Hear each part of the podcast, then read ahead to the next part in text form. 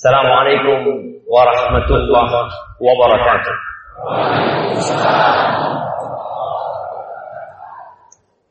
Alhamdulillah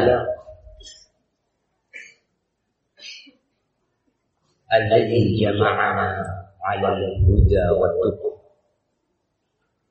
Segala puji bagi Allah Jalla Jalaluh yang mengumpulkan kita. Bukan karena kita satu suku, Bukan karena kita satu warna.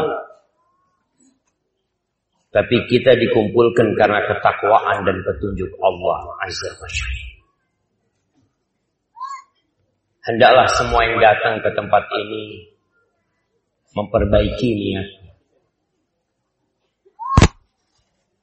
Semua perkumpulan, semua persahabatan yang tidak didasari takwa akan berubah menjadi permusuhan. Allah mengatakan al-akhilla yauma idzin ba'dhum li ba'din adu illa al-muttaqin.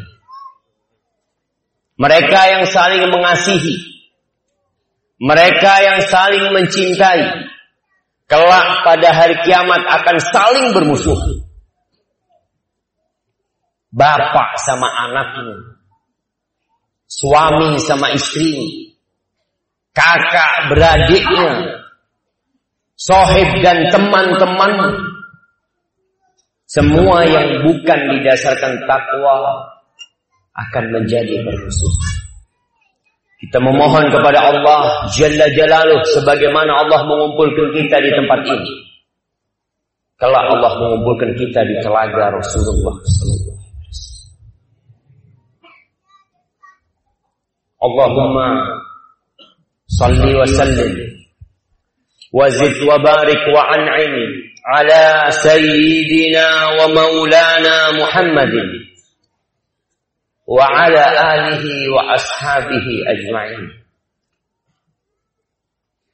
Ya Allah, semoga salawat, salam, berkah dan nikmat senantiasa engkau tambahkan untuk baginda Nabi kita. Nabi Muhammad sallallahu alaihi wasallam yang mengajarkan cinta, yang mengajarkan kasih sayang untuk kita. Bahkan diutusnya beliau adalah rahmatan lil alamin. Beliau alaihi salatu wasallam yang mengatakan Wallahi la yu'min Atau la yu'minu ahadukum Hatta yuhibba li akhihi ma yuhibbu li nafsi Tidak beriman seorang di antara kalian Sampai dia mencintai saudaranya Seperti mencintai diri dia Sudahkah kita melakukan itu? Pantaskah kita menyandang nama mukmin, muslim? Tatkala kita tidak berbagi cinta dengan saudara kita. Semoga salawat itu bersambung untuk keluarga beliau, untuk istri-istri beliau, untuk putra-putri beliau. Dan untuk seluruh sahabat Nabi. Semoga Allah meridai kita bersama mereka. Amma ba'd. Ahibati fillah dan ucapkan terima kasih kepada semuanya. Khususnya Ustaz Abdul Hafizahullah Ta'ala. Kalau bicara lelah Wallahi jamaah semua lelah. Sebuah hakikat yang tiada satupun yang meragukannya sebuah kepastian yang sudah Allah tetapkan di dalam kitab. Allah mengatakan laqad khalaqnal insana fi kabad. Kata Allah, kami benar-benar telah menciptakan manusia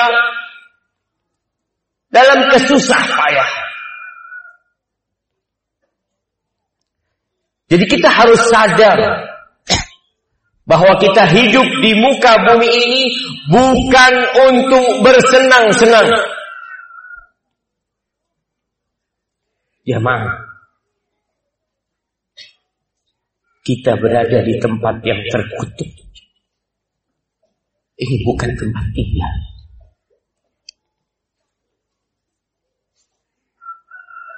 Kita berada di tempat ini karena sebuah hukuman yang Allah Allah turunkan Nabi Adam karena sebuah dosa. Kita melihat semua yang kita cintai itu pergi meninggalkan kita. Kalau mereka tidak meninggalkan kita, kita yang akan meninggalkan mereka.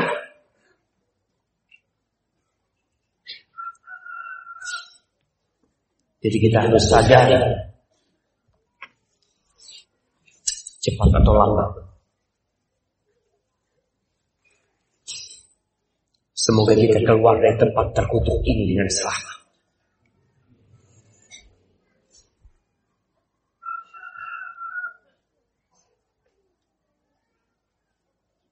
Yang masih mau melanjutkan kehidupan. antum akan merasakan kelelahan dan kecapean.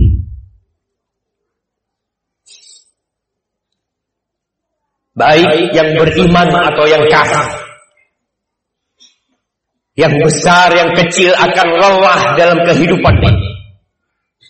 Yang pria, yang wanita, yang kaya, Mungkin sebagian orang berpikir tuh orang kaya nggak capek hidupnya Ustaz, lelah mereka. Kita pun yang miskin lelah. Mereka yang menjadi pejabat yang mungkin dihamparkan karpet merah untuk mereka. Dibukakan pintu mobil buat mereka. Mereka pun lelah. Gak ada yang gak lelah. Semuanya harus mengambil bagian dari kelelahan tersebut. Allah mengatakan laqad khalaqnal insana fi kabad. Bahkan sejak kita janin di perut ibu kita. Bagaimana kita keluar dari perut ibunda kita? Ada yang sudah nyungsang di perut ibu. Ada yang sudah terlilit di perut bundanya. Ada yang harus merobek perut ibunya untuk keluar ke muka bumi ini. Ketika sudah lahir, kelelahan demi kelelahan harus dia lewati. Tidak ada fase dalam kehidupan yang antum tidak merasakan kelelahan. Sampai makan pun lelah.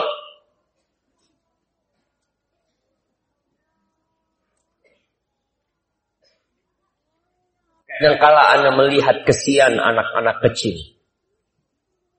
Dipaksa makan oleh orang tua. Kalau nggak makan mau dipukul.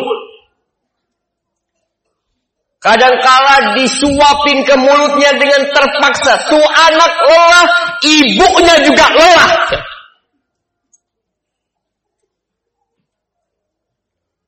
Ketika anak itu mulai belajar berjalan, kita lihat anak-anak itu kadangkala terjatuh. Ada yang terjatuh dari ranjang. Ada yang terjatuh dari sepedanya. Terus dia menjadi anak yang tumbuh besar. Sekolah lelah. Orang tuanya kerja capek. Sebagian orang badannya yang capek. Sebagian badan dan pikirannya lelah. Ada yang berpikir bagaimana menjadikan uang 100 ribu itu bisa jadi 1 juta. Ada yang punya modal 100 juta, dia berpikir bagaimana bisa menjadi 1 miliar. Ada yang capek untuk naik pangkat. Ada yang lelah mencari jabatan. Kita melihat setelah pilpres, kita pikir semua tidak lelah. Anda lihat di mana-mana sedang pemilihan kepala desa. Mereka semua lelah. Tapi ada yang kelelahannya di jalan Allah. Anda yakin ibu-ibu yang duduk di bawah lelah. Anda melihat tadi ada emak-emak gendong anaknya berjalan kaki ke sini. Lelah.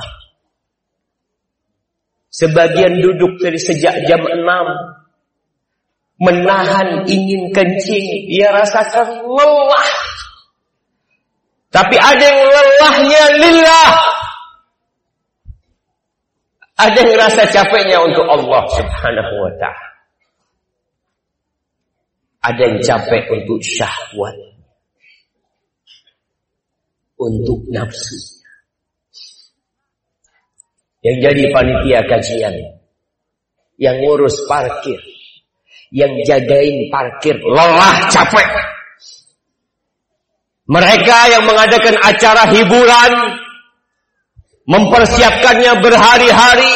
Juga lelah capek.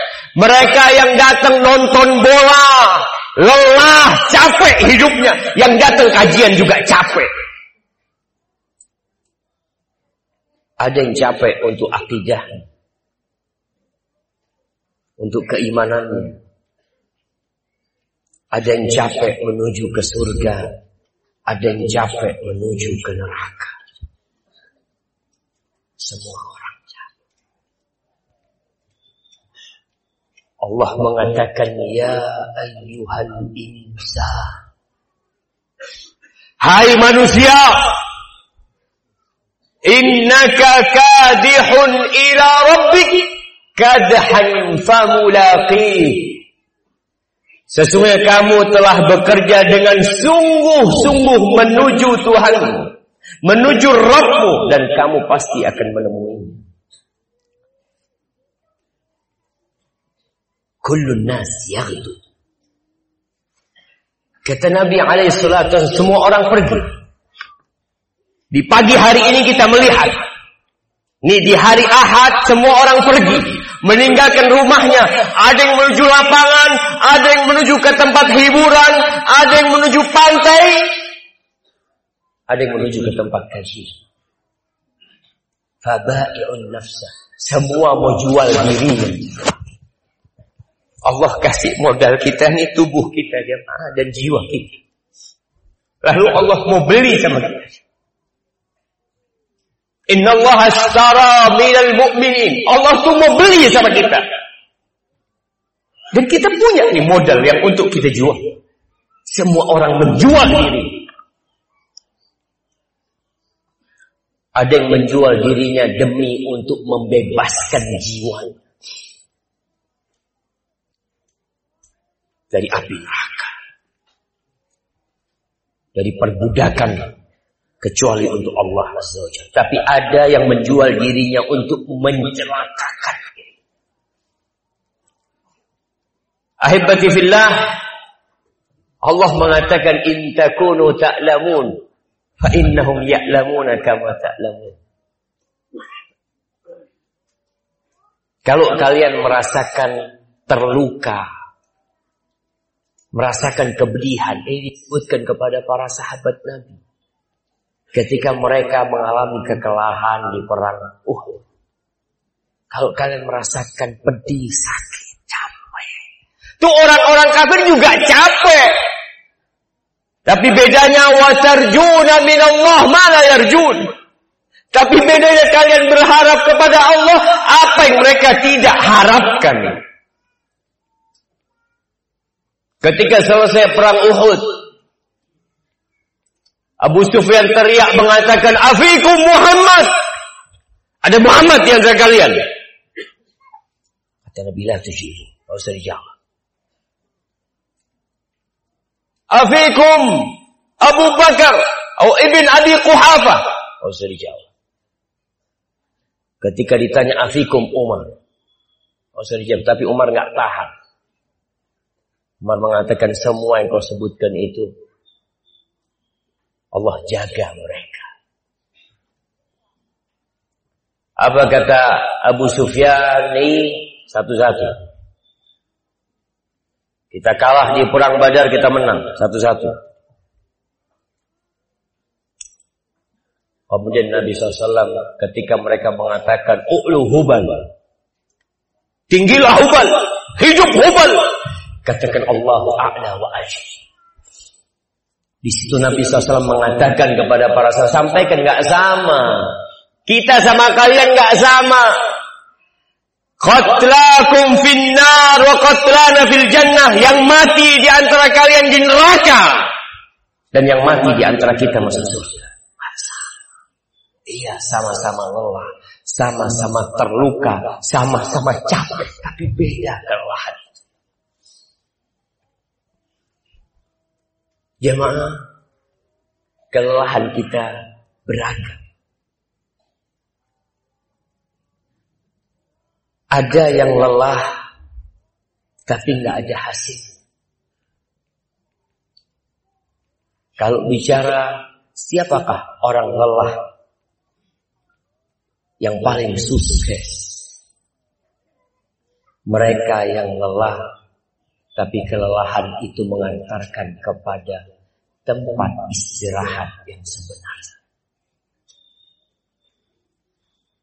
Mungkin semua ingat ucapan Ibnu Qayyim. Ketika beliau mengatakan ajma'atil uqala min kulli millah. Semua orang-orang yang berakal dari setiap sektor, dari setiap agama mereka bersepakat na'im wa man asara ar-raha fatathu raha mereka semua bersepakat bahwa kenikmatan tidak mungkin diraih dengan kenikmatan. Nggak bisa. Harus capek, harus lelah. Itu orang berakal berpikir seperti itu. Barang siapa yang berpikir untuk istirahat, untuk santai dalam kehidupan ini, dia akan kehilangan waktu santai yang sebenarnya. Waktu istirahat yang sebenarnya. Ahibatillah. Kita melihat ada orang-orang yang bercocok tanam. Nanam jagung, nanam apa. Tapi subhanallah. Ketika mau panen jagung itu terbakar. Ada yang nanam bawang. Ketika mau panen Allah turunkan hujan busuk itu mau. Orang dari sejak nanam capek. Ketika mulai tumbuh dia memberikan pupuk capek. Ketika mau panen tahu-tahu gagal panennya. Lelah, capek, hatinya. Hilang harta. Tapi ketika antum memandang kepada Allah Azza wa Jalla. Semuanya pasti ada nilainya di sisi Allah Allah menceritakan tentang satu kaum yang gagal panen. Di surah Al-Qalam di ayat 18 dan selanjutnya Allah mengatakan inna balawnahum kama balawna ashabal jannah id aqsamu la yasrimunnaha musbihin. Itu ada orang-orang yang memiliki kebun yang sudah waktunya panen, dia ingin panen, kemudian bersepakat kakak beradik ini dikatakan tiga bersaudara mereka untuk panen di pagi hari. Tapi di malam hari Allah kirimkan petaka. Nah.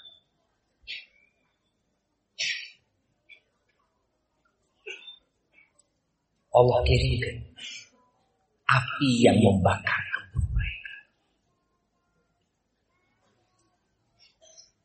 Mereka ingin panen tapi tidak ingin berbagi dengan orang lain ingin menikmatinya sendiri. Oh, subhanallah Allah kirimkan api yang membakar kebun mereka Pagi harinya mereka pergi menuju kebun itu. Sampai kebun mereka melihat kok kebunnya sudah hilang.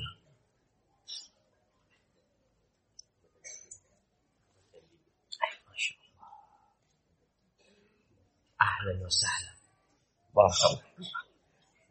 Waalaikumsalam. Masya Allah. Barakallahu fikum. Mudah-mudahan ya sehat.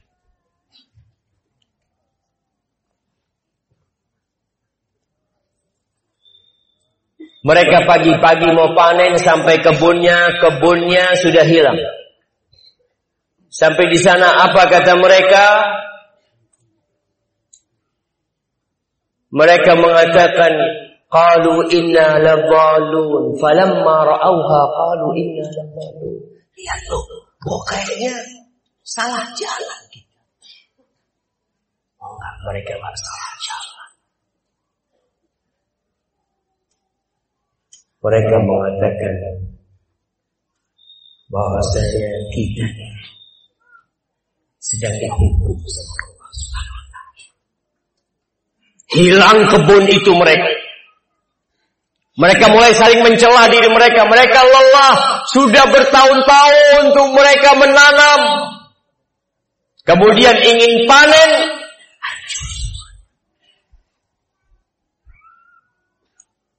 Kemudian di akhir cerita itu, singkat cerita Allah mengatakan kadzalikal azab. Seperti itulah azab yang Allah berikan. Wala azabul akhirati akbar law kanu ya'lamun. Dan azab akhirat itu jauh lebih pedih, lebih dahsyat kalau mereka sadar. Jadi mereka yang lelah di dunia harus tahu ada kelelahan yang lebih dahsyat di akhirat sana. Ada perempuan yang kerjanya keluar rumah. Sibuk keluar masuk salon. Ada ibu-ibu? Capek apa nggak capek? Capek. Perempuan lihat wajahnya sedikit keriput. Capek apa nggak capek? Kenapa kok capek? Wah, takut suaminya kawin lagi. Takut suaminya kawin lagi. Capek tuh perempuan. Baik, ada perempuan yang sibuk tiap ba'dal maghrib datang kajian. Capek apa nggak capek? Sangat capek. Ada yang sibuk dengan handphonenya. Nonton film, baca macam-macam yang nggak ada gunanya sampai harus pakai kacamata. Capek apa nggak capek? Tapi ada yang handphonenya untuk dengerin kajian. Sama-sama capek, sama. Ada yang subhanallah sibuk keluar negeri. Persiapan mau ke Singapura, persiapan mau ke Eropa, persiapan mau ke Australia. Kira-kira dia capek apa tidak? Yang berangkat haji capek apa enggak? Capek enggak? Capek. Belum naik haji. Masya Allah. Wallahi semua capek. Tapi ada perbedaan di kelelahan itu.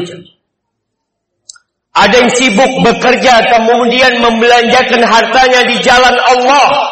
Dan ada yang sibuk bekerja kemudian membelanjakan hartanya di jalan setan. Sama-sama kerjanya berkeringat.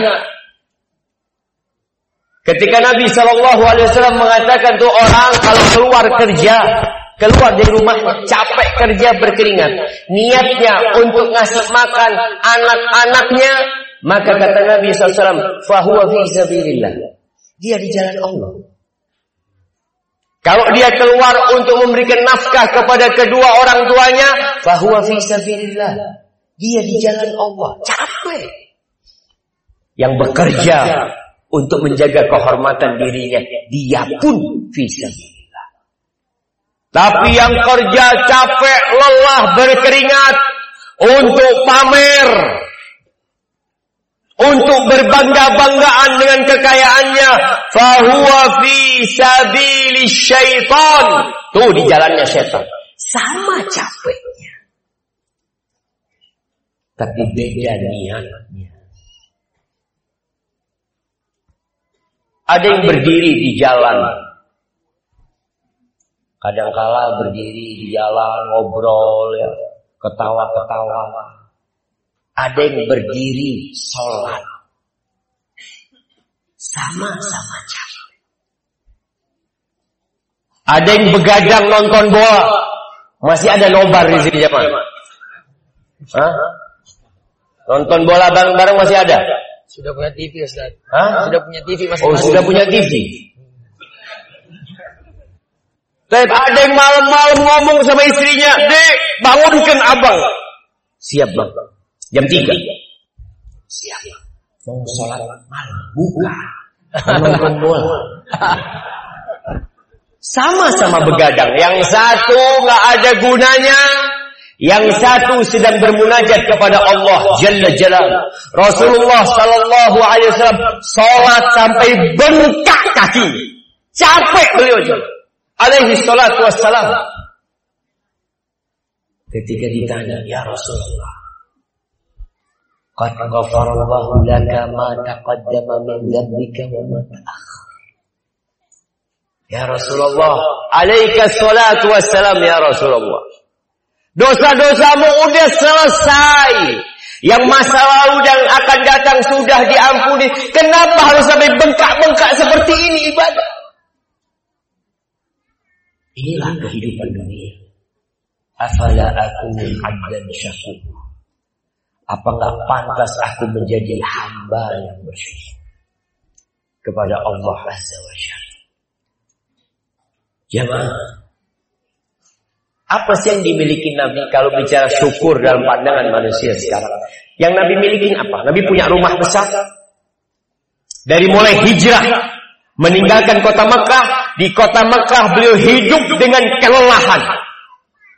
Dilemparin batu sampai luka. Diboikot beberapa tahun sampai makan daun-daunan sallallahu alaihi wasallam. Sebagian sahabatnya dibunuh mati. Pamannya tewas ketika perang Uhud. Hijrah ke Madinah. Beliau memiliki rumah yang besar. Bayangkan sejak mulai tinggal di Madinah. Rumah beliau itu kira-kira hanya lima kali lima. Sampai meninggal di sana. Sallallahu alaihi wasallam. Lima kali lima. Bapak-bapak. Berapa luas rumah? Sepuluh, sepuluh. Ada yang lima kali lima?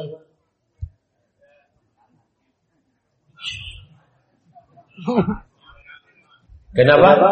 Kandang sapinya imam. Allah mungkin. Lelah Nabi SAW. Hijrah ke Madinah seperti itu. Di kota Madinah, sering kali beliau itu nggak ada makanan di rumahnya. Ya Allah, ya Allah. Malu kita ini kalau ingat Rasul Sallallahu. Beliau datang ke rumah istrinya, tanya, ada yang bisa dimakan? Kata istrinya nggak ada kecuali anak. Izan anak sofi. Beliau lebih sering puasa. Ketika di masa tuanya beliau sholat sampai bengkak kakinya. Lalu mengatakan, Afala akun abdan syakura. Apa nggak pantas aku bersyukur kepada Allah subhanahu wa ta'ala. Menjadi hamba yang pandai bersyukur. Jangan. Beliau paham. Bahwa dunia ini tempat yang terkutuk. Dunia ini penjara buat orang yang beriman dan surga buat orang-orang kafir.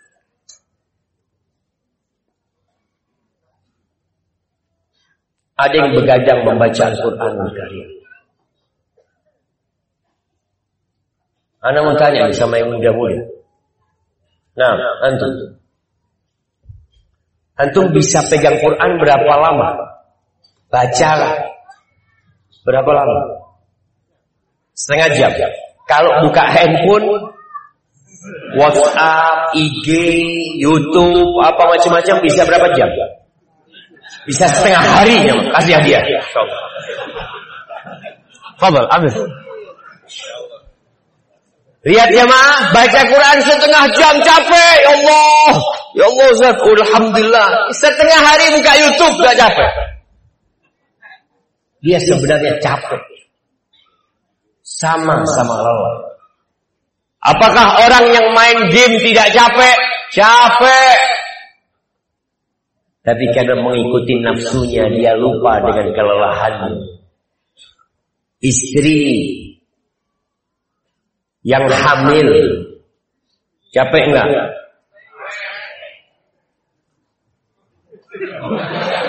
Kita tanya istri hamil capek, bapak-bapak yang jawab.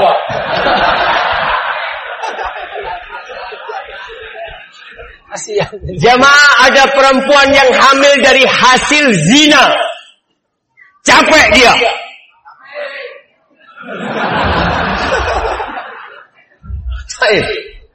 Dia capek melahirkan capek, menyusuin capek dan ada yang menikah halal. Mau nikah aja capek. Ini yang muda-muda nikah bertahun-tahun nabung dia, ya Allah. Belum cukup buat maharnya, Ustaz. Capek. Belum dapat juga. Maharnya belum cukup, istrinya belum dapat juga. Ya nggak usah nyari kalau belum cukup sih. Capek, lelah. Tapi semua nilai kelelahan itu perempuan beda dengan capeknya pelacur dan pezina. Sebagian perempuan ngeluh ngomong sama suaminya, Mas enak jadi orang laki. Nah, kita hamil, punggung capek, perut jadi besar, mau melahirkan mempertaruhkan nyawa, setelah lahir nyusuin, orang laki tinggal ketawa-ketawa, lihat-lihat, udah lahir anaknya. Apa kata suaminya? Saya mikirkan kamu capek. Mikirkan kamu sejak hamil aja, ya Allah, ini fulus yang mana ini untuk lahiran ini. Istrinya di dalam teriak-teriak, uh, uh, yang di luar ini uang yang mana buat bayar, sama capeknya. Jadi ibumu jangan dipikir suami itu gak capek. Sama capek. Tapi tinggal diniatkan lillahi ta'ala. Sebagian wanita mengatakan, aduh saya cukup sudah punya anak tiga, gak mau nambah lagi, capek. Nah, yang punya anak sepuluh juga capek. Tapi ingatkah kita dengan sabda Nabi SAW? Fa inni mukasir bikumul umam yaumal qiyamah. Aku tuh kepingin memiliki umat yang banyak. Aku berbangga dengan umatku yang banyak. Sallallahu alaihi wasallam kelak pada hari kiamat. Jadi pada para wanita ketika merasa capek mau hamil lagi, ingat, aku mau nambah umatnya Rasul sallallahu alaihi wasallam. Amin. Katakan kepada suaminya, Bismillah.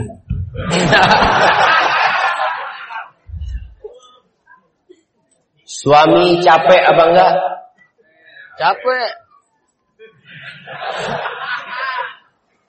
Jamaah rahimakumullah. Al-ajru ala qadri nasabiki. Pahala akan didapat sesuai dengan kelelahan. Yang naik mobil pakai AC kajian, Masya Allah. Dengan yang naik truk, mogok. Pahalanya lebih besar mana? Masya Allah. Baik, yang soft pertama sama yang di gunung itu. Lebih banyak mana pahalanya? Yang yang soft pertama kan datang duluan ya mah. Itu telat mereka yang di sana.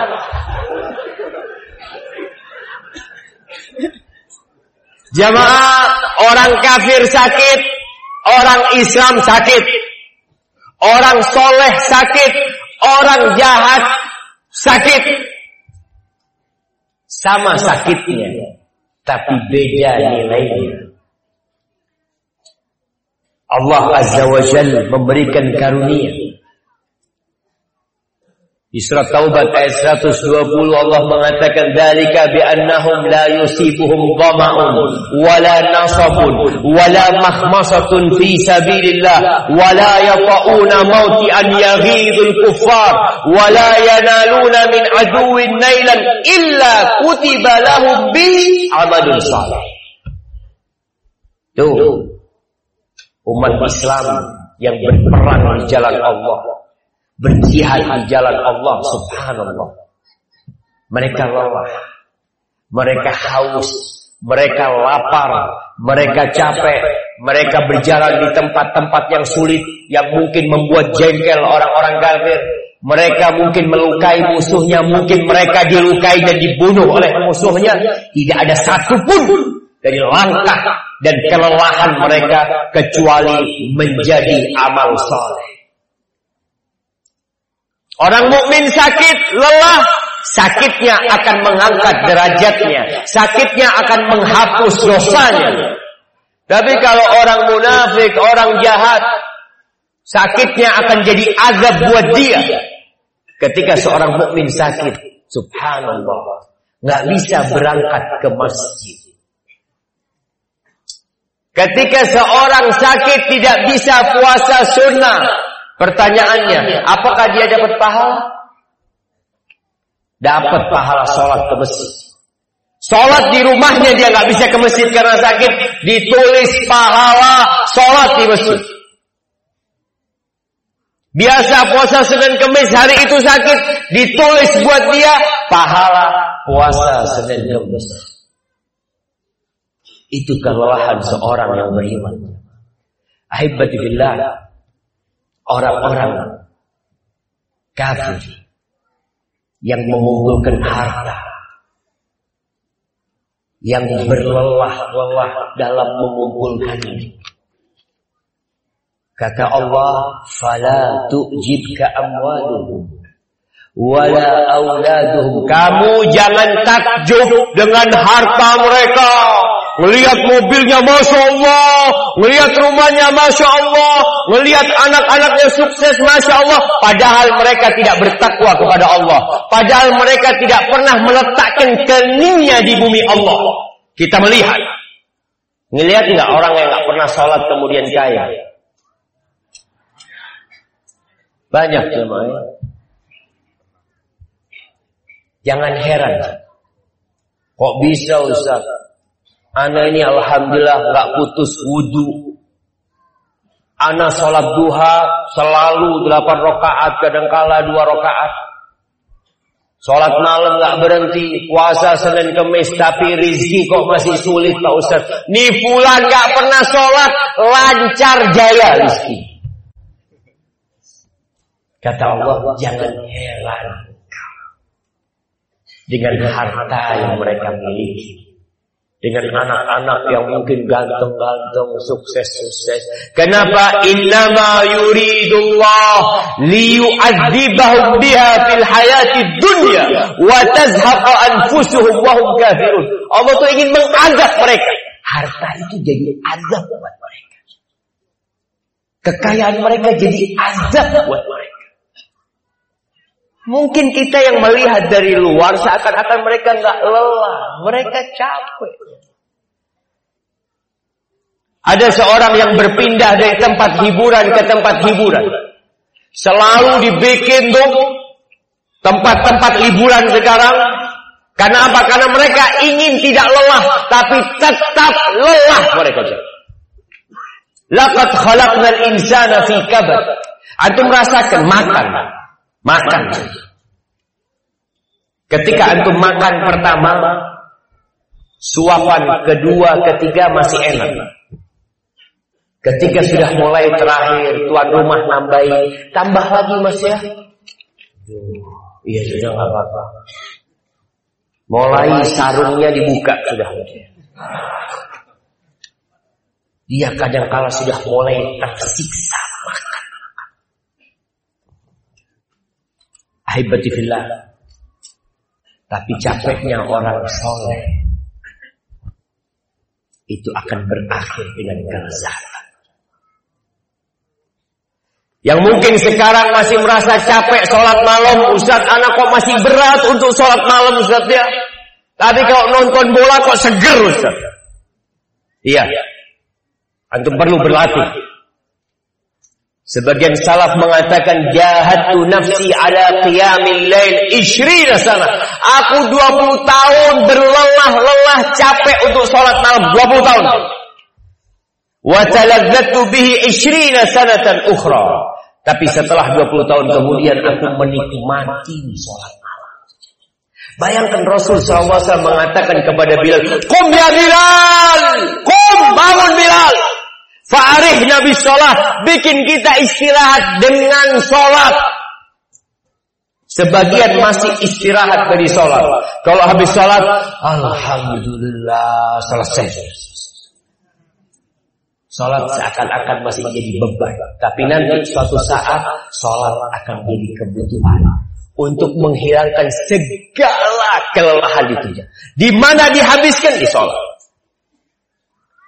Jamaah rahimakumullah. Kelelahan itu akan berakhir. Kapan?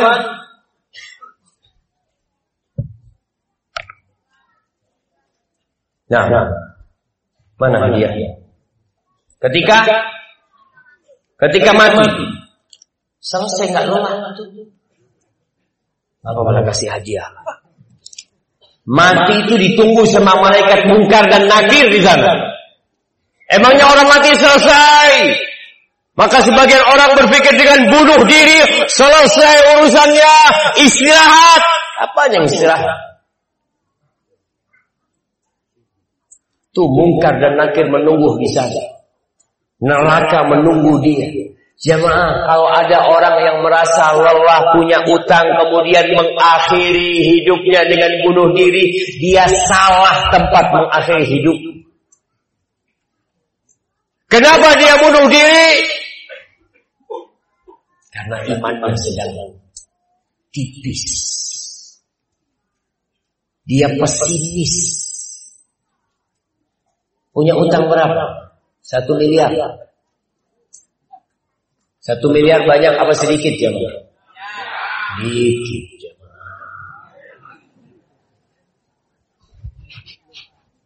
Rasul Shallallahu Alaihi Wasallam pernah ada orang Badui yang beliau undang ke kota Madinah.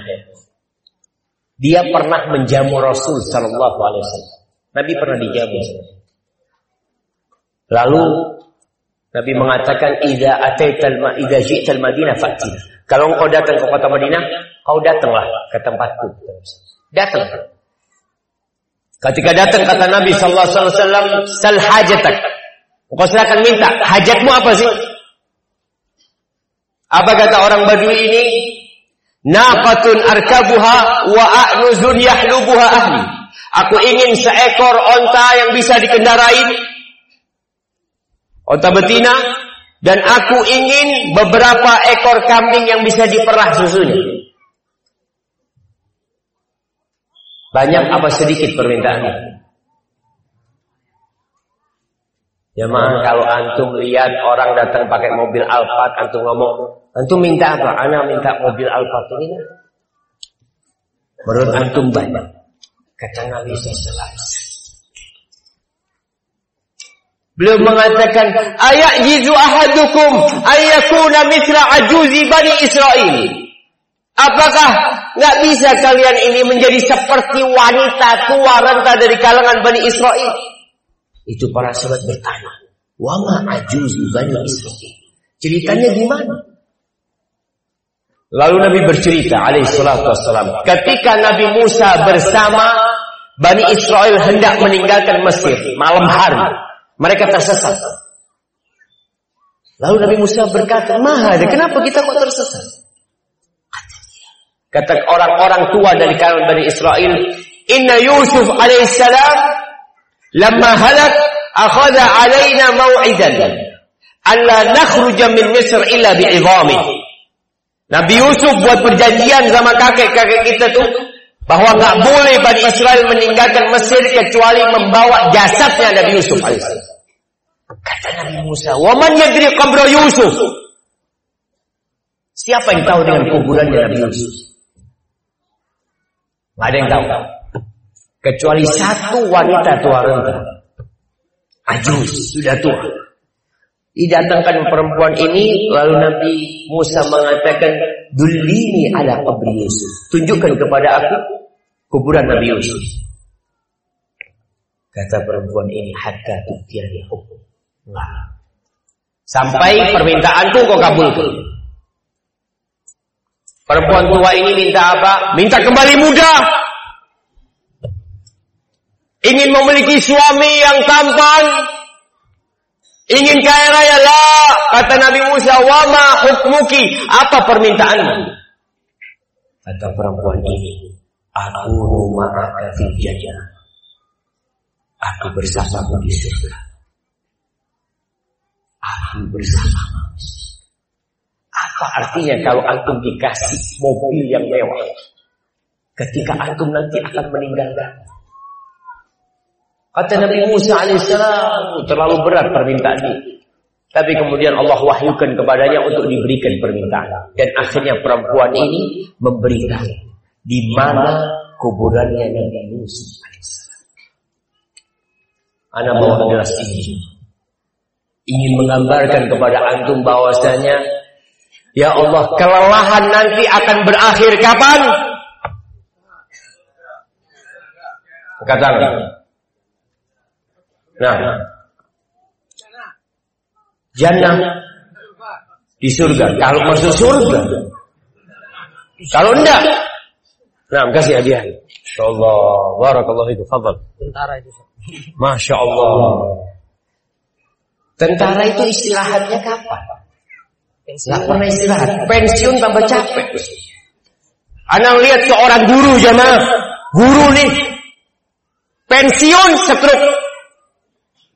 Ya Allah. Kok pensiun setruk? Ternyata ada orang-orang yang berhenti bekerja. Itu jadi lebih lelah buat dia jam. Jangan antum pikir orang pensiun itu nggak lelah jamaah. Sebagian mengatakan, Alhamdulillah saya dipensiunkan. Ada yang nangis jamaah. Anak ini sering diundang untuk ngisi apa sih kalau yang sebelum pensiun itu purna purnawirawan. Bukan purnawirawan purna apa? Purna kerja? Itu biasanya sebelum pensiun jamaah pemerintah ini memikirkan. Lelah pemerintah ini. Ini sebelum pensiun dikasih satu tahun non jabatan. PPM PP Masa persiapan pensiun. Kenapa kok harus dipersiapkan jamaah? Ya pensiun berhenti. Sebenarnya pensiun itu di PHK. Tapi dengan terhormat. Tetap di PHK dia jamaah. Sama-sama. Makanya banyak orang yang pensiun stres. Bukan dia istirahat. Dia malah lelah. Tadi mau ngomong apa aja Baik, tadi baru akan istirahat. Itu ketika antum dicelupkan ke surga. Fi awali qadamin tabauha fil jannah. Awal meletakkan kaki di surga, baru itu istirahat. Ketika antum mati, sebagian diazab di kuburannya. Sampai kiamat. Ketika dibangkitkan dari kuburannya, digiring ke padang mahsyar, itu ada mentari yang mendekat. Tuh, yang merasakan panas sekarang. Nanti mentari mendekat satu mil dan semua orang akan tenggelam dalam keringatnya sesuai dengan amalannya masing-masing. Ketika melewati sirat yang berada di atas neraka jahanam lelah semuanya. Para nabi doanya cuma satu. Apa doa para nabi?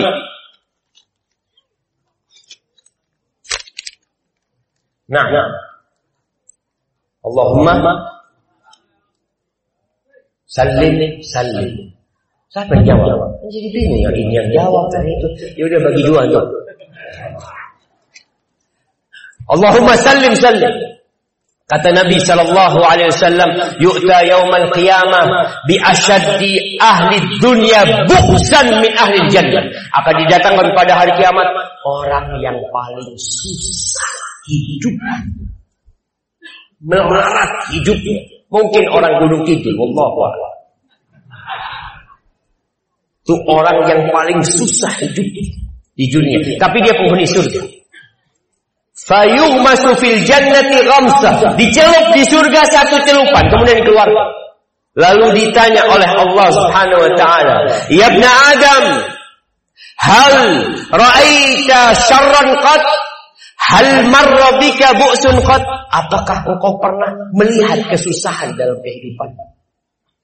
Melihat engkau pernah lewat kepadamu ya. ketidaknyamanan. Apa kata orang ini?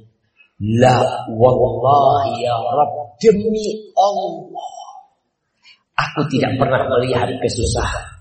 Aku tidak pernah melihat hal-hal yang menyulitkan dalam hidupku. Dan sebaliknya, orang yang paling senang hidupnya di dunia, yang termasuk penghuni neraka dicelup satu celupan, lalu ditanya, hal ra'aita na'iman qat Pernahkah engkau melihat kenikmatan, merasakan kenikmatan satu? Kata orang. Ahibati fillah, yang terakhir, kayaknya waktu anda udah habis. Nah, yang terakhir. Allah berfirman di surat Al-Insyiqaq. Nanti antum pulang dari sini, buka surat Al-Insyiqaq dibaca artinya, dibaca tafsirnya, karena membaca Al-Quran itu kalau nggak tahu artinya tetap dapat hadiah dari Allah Subhanahu Wa Taala, dapat pahala, tapi susah mendapatkan hidayah. Hidayah itu dalam maknanya yang kita baca. Allah mengatakan ya ayyuhal insanu innaka kadihun ila rabbika kadham famulaqi Wahai manusia, engkau itu bekerja lelah menuju Rabbmu, tapi engkau kelak akan mendapatkan hasil dari apa yang kau lakukan. Engkau akan berjumpa dengan Allah Subhanahu wa taala. Fa amma man utiya kitabahu bi yaminihi فسوف يحاسب حسابا يسيرا Adapun yang mendapatkan kitab dengan tangan kanannya, maka dia akan dihisap dengan hisap yang mudah. Wayan qalibu ila ahlihi masrura. Dan dia akan pulang ke keluarganya bahagia. Ketika dapat kitab dengan tangan kanannya, dia akan kembali ke keluarganya dengan bahagia mengatakan, Ha umukra'u kitabiyah. Kalian baca nih rapotku. Baca kalian. Ini zanantu anni mulaqin hisabiyah. Aku yakin bahwa aku akan dihisab. Antum yakin ya jangan kalau akan dihisab. Maka ketika itu fahuwa fi 'ishatin radiyah. Fi jannatin 'aliyah.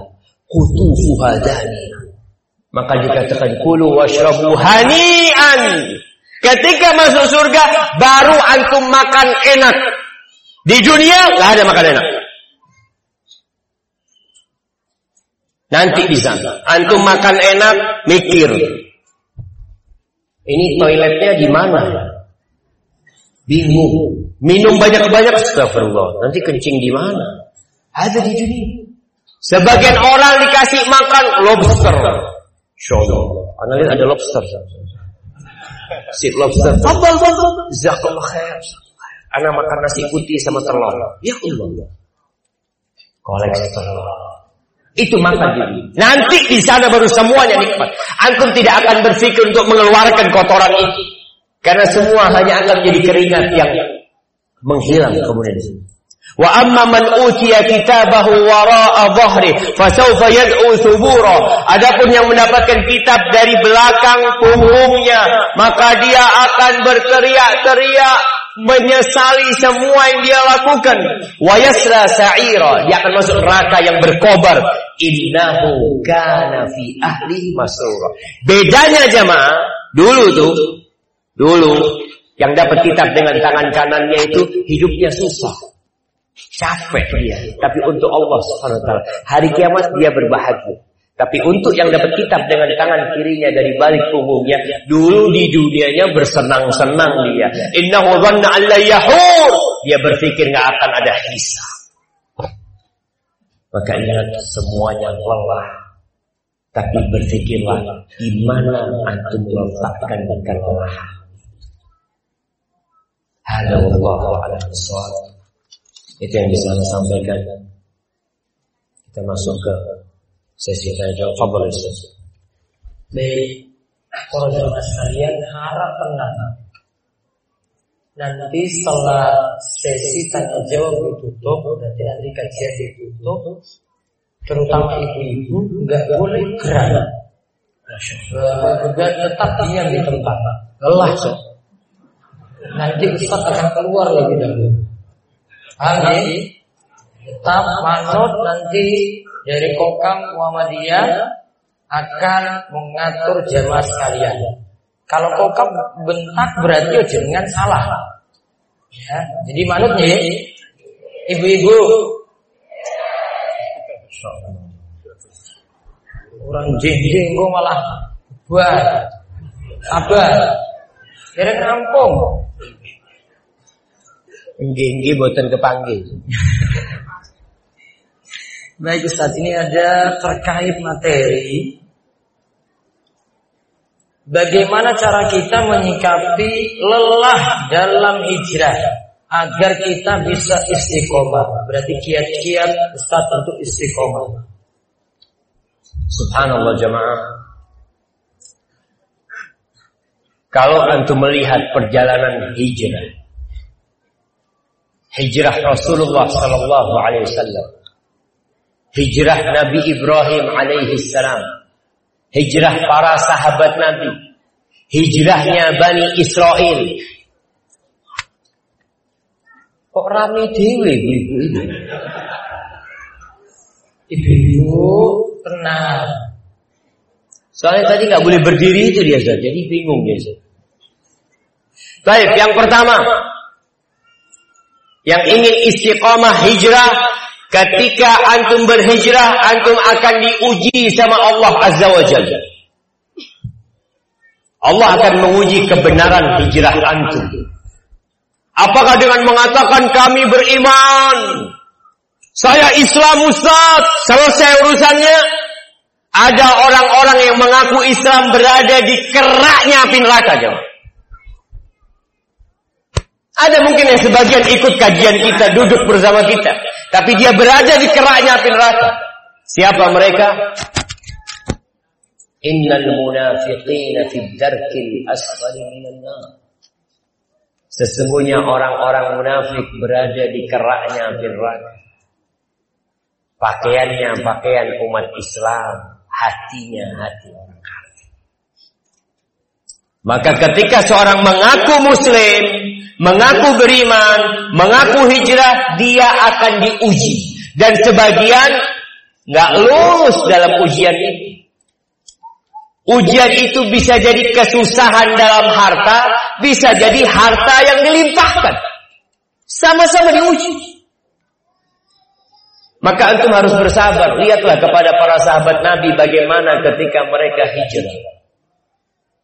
Para sahabat Nabi yang hijrah, Suhaib Ar-Rumi. Ketika meninggalkan kota Mekah semua hartanya ditinggal. Dia hanya bawa pakaian dia pedang dia dan busur serta anak panah dia dia orang kaya ditinggal semua. Berapa tahun dia hidup susah di Medina? Sebagian para sahabat Nabi ketika hijrah tidur di masjid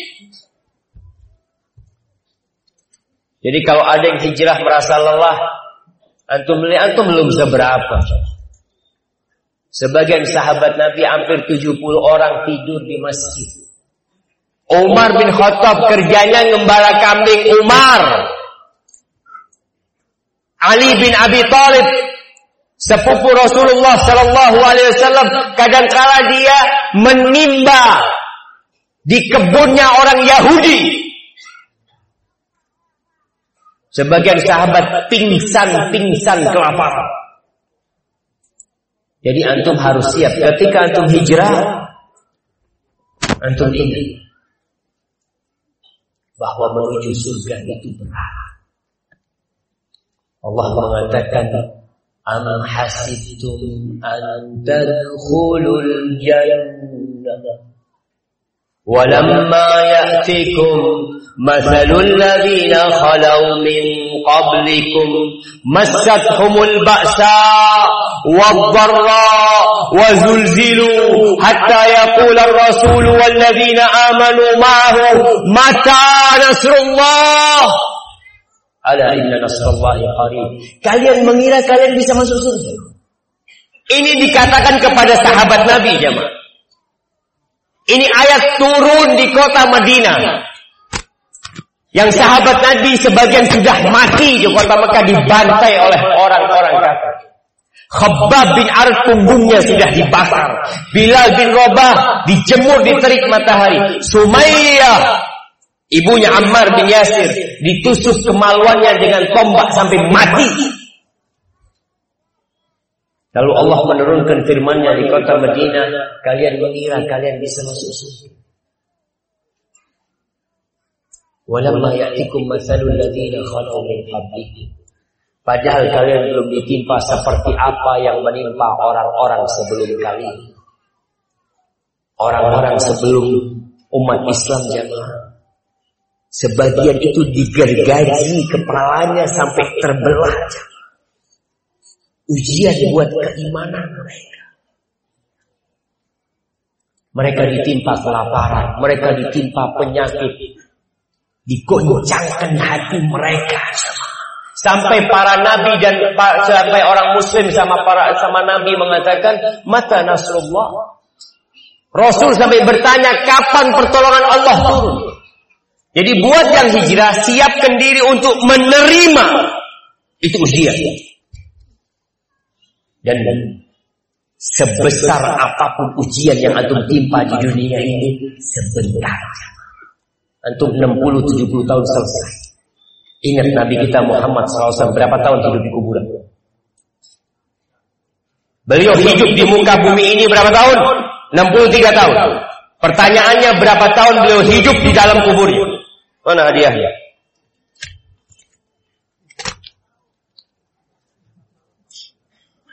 Jawab. Jawab. Nah. nah. Berapa? Berapa? Ada yang tahu? Ya tahu lah. Kapan Nabi mati dikurangin tahun sekarang. Nah. Seribu empat ratus. Ya, hampir benar. Hampir benar. Oh kasih aja kata Ustaz. Enggak apa karena hampir benar kasih aja. Nah, Berapa tahun ya? Berdiri berdiri ya. 1431. Kok bisa? Beliau meninggal Beliau meninggal umur 63. Tahun berapa beliau meninggal di Madinah? Lu antum ngitungnya apa sih? Bapak apa kasih aja, hampir betul dia jamaah, masya Allah. Nah, 1378 Masya Allah. Lebih keren nih Salah lah Jauh banget tentu Ibu-ibu Ibu-ibu. Ibu-ibu malah nggak tahu. Oh jangan meremehkan ibu-ibu Berapa tahun beliau di kuburannya sallallahu alaihi wasallam? Nah. 1428. Ngitungnya dari mana? Dikurangin 13 tahun.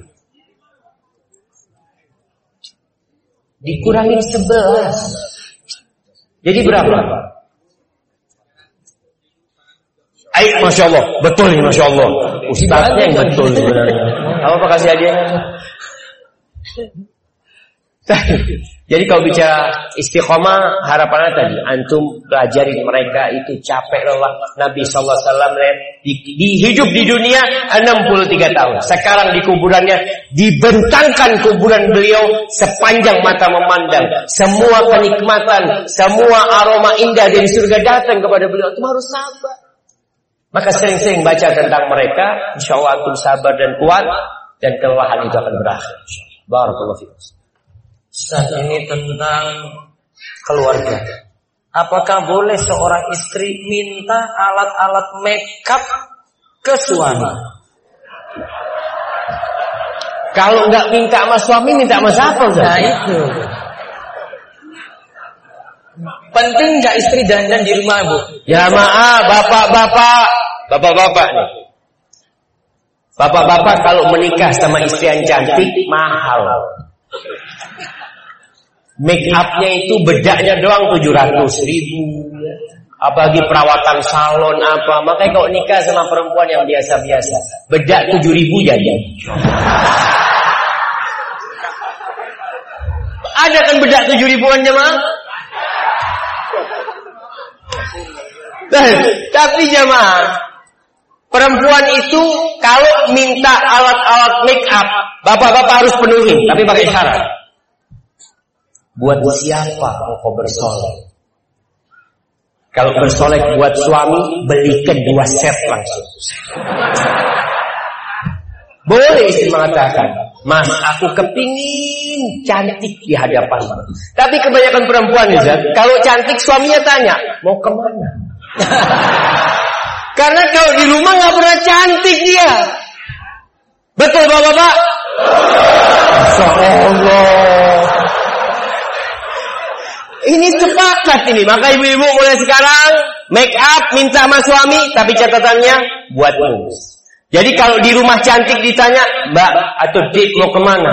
Mau menjemput dirimu. Masya Allah. Insya Allah jadi surga rumahnya. Yang jomblo-jomblo sabar-sabar ya. Masya Allah. Minta sarannya dalam menahan syahwat Ustaz. Karena terkadang lelah menahannya dan belum mampu untuk menikah. Iya jemaah. Nabi Shallallahu Alaihi Wasallam memberikan sebuah arah. Ini bapak-bapak, kadang-kala kita melihat di luar rumah itu pandangan yang menggoda, pemandangan yang menggoda.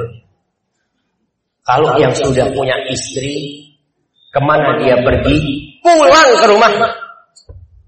Istri lagi nyuci, Eh, cek, cek, mana perlu nih. Cucian tinggal. Kenapa kata Nabi Shallallahu Alaihi Wasallam kelelahan menahan nafsu itu harus disalurkan. Ketika disalurkan selesai, nggak akan tergoda lagi. Cuma masalahnya ini nggak punya istri. Dia mau pulang ke mana Ustaz? Kalau antum capek menahan nafsu, datang ke Riyadus Solihin. Apa? Darus Solihin. Darus Solihin. Antum datang ke sini langsung itikaf sudah. Bismillah. Kita diperintahkan untuk puasa. Kalau antum nggak kuat menahan juga puasa berat, antum cari mertua yang mau ngutangin putri. Ya, boleh nikah itu dengan kredit.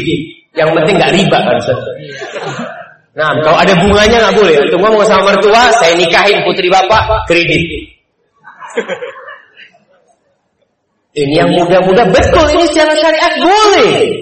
Antum kalau nggak mampu tapi udah lelah, datang cari mertua yang seperti itu. Nanti tengah jalan antum nego sama istri. Ditolonglah separuhnya diikhlaskan ya. Itu boleh juga jemaah. Ya, dan buat yang lelah menahan nafsunya, tolong jaga pandangan matamu. Karena semua kelelahan itu bermula dari pandangan mata. Idul Qalim jelaskan, ketika antum memandang berat. Makanya ketika seorang tidak memandang wanita dan perempuan pada berjilbab, tenang hidupnya. Mau tidur malam itu bisa baca ayat kursi, bisa baca tabarakalladzi biyadihil mulk. Tapi kalau habis lihat perempuan, itu anaknya siapa tadi? Maka usaha. Buat yang muda-muda dan sama semuanya. Yang muda yang tua tundukkan pandangannya. Insya Allah engkau tidak akan lelah. Hadza wallahu a'lam. Saat saya dan ibu saya sudah bercerai. Saat ini ibu saya dekat dengan seorang laki-laki. Sudah empat tahun tapi belum mau menikah. Sudah saya ingatkan dengan perkataan video dari Ustadz tapi dibilang durhaka kamu. Adakah saran untuk saya Ustadz? Allah Ya ini bagi para anak mas. Anak tahu dengar cerita-cerita, pertanyaan. Ada seorang anak Ustadz, ibu anak ini sering WA sama laki-laki. Ada hal bapaknya ada. Ada yang mengatakan ibu anak ini sudah suka berzina sama laki-laki. Apa yang harus anak lakukan sebagai anak? Jemaah, kebaktian terbesar seorang anak kepada orang tuanya ketika bisa menggandeng orang tuanya menuju surga Allah Subhanahu. Apa yang harus dilakukan anak ketika melihat ibunya dekat sama laki-laki? Sampaikan kepada ibunya, "Ibu, yuk segera menikah." Kalau mungkin ibunya nggak bisa masuk, masalahnya iman. Semua itu dimulai dengan iman. Antum ngomong sama ibu, tumbuhkan keimanan di diri ibu.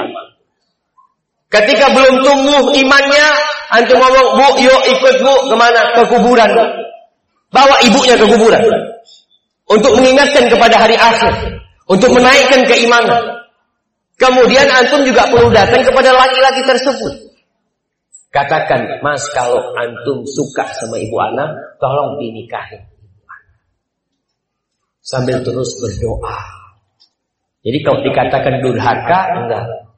Nabi Ibrahim alaihissalam ketika ngajak bapaknya beriman, diusir sama bapaknya. Bahkan mau dilempari batu sama bapaknya. Tapi itu bukan kedurhakaan. Namun, tolong anak kalau masih tahu orang tua itu pakai etika.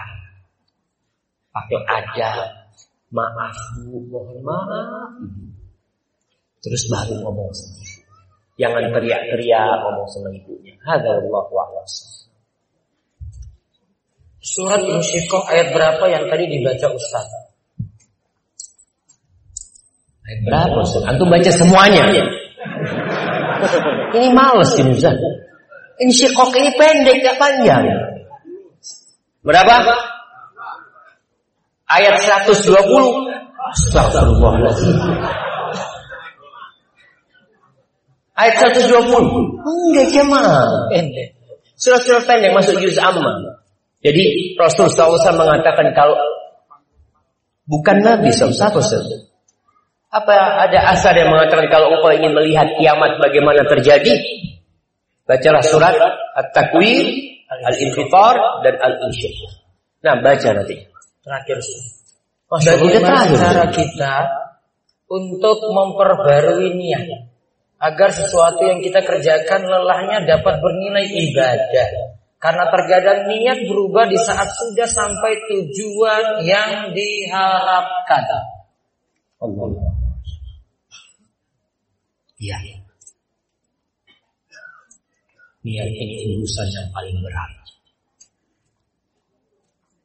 Sebagian salah mengatakan Ma'alajtu syai'an ashadda ala nafsi min niyati Fa innaha tataqallab alaih Tidak pernah aku ngopeni sesuatu yang lebih berat buat aku daripada niatku sendiri. Niatku tuh bolak-balik. Bolak-balik. Awal tadi berangkat ikhlas lillahi ta'ala. Tapi nanti dipuji orang, disanjung orang. Berubah niat. Sekarang bagaimana menjaga niat itu? Yang pertama adalah dengan mengenal Allah Azza wa Jalla. Banyak di antara kita yang belum kenal sama Allah. Orang kalau niat itu apa sih? Salah niat itu niat ingin dipuji, ingin harta, ingin sanjungan, ingin jabatan, ya. Siapa sih yang memiliki dunia dan isinya ini? Allah Subhanahu wa taala. Jadi kalau engkau ingin pujian, minta sama Allah. Kalau engkau ingin harta, minta sama Allah. Maka perlu kita belajar tauhid, mendalami akidah. Kita perlu mengkaji tentang asmaullah al-husna. Antum kaji, baca di akhir surat Al-Hasyr tentang nama-nama Allah. Itu akan menguatkan antum untuk berbuat lillahi ta'ala. Sehingga apa pun yang antum kerjakan, slogan antum adalah Inna solati wa nusuki wa mahyaya wa mamati buat siapa? Lillahi rabbil alamin. Semuanya buat Allah subhanahu wa ta'ala. Karena semua yang bukan untuk Allah akan hilang dan sirna. Antum akan lelah tanpa hasil. Allah mengatakan hal adaka hadithul ghashiyah Wujuhul yawmaidin khashi'ah Amilatun nasibah tasla narun hamil Apakah teradakan kepadamu berita tentang hari kiamat? Ketika wajah orang semua nunduk penuh dengan kehinaan, amilatun nasibah, dia bekerja, dia capek, tasla narun hamil. Tapi ternyata kelelahan dan capeknya mengantarkan dia ke dalam api neraka. Capek di dunia, capek nanti di neraka. Nauzubillah min Maka tadi luruskan niat antum lillahi taala. Ketika niat itu berubah, antum ingat lagi sama Allah, ingat nggak ada gunanya pujian dari manusia, nggak ada gunanya harta dari orang terus diperbaiki. Sampai kapan? Sampai mati kita memperbaiki niat kita. Hadza wallahu a'lam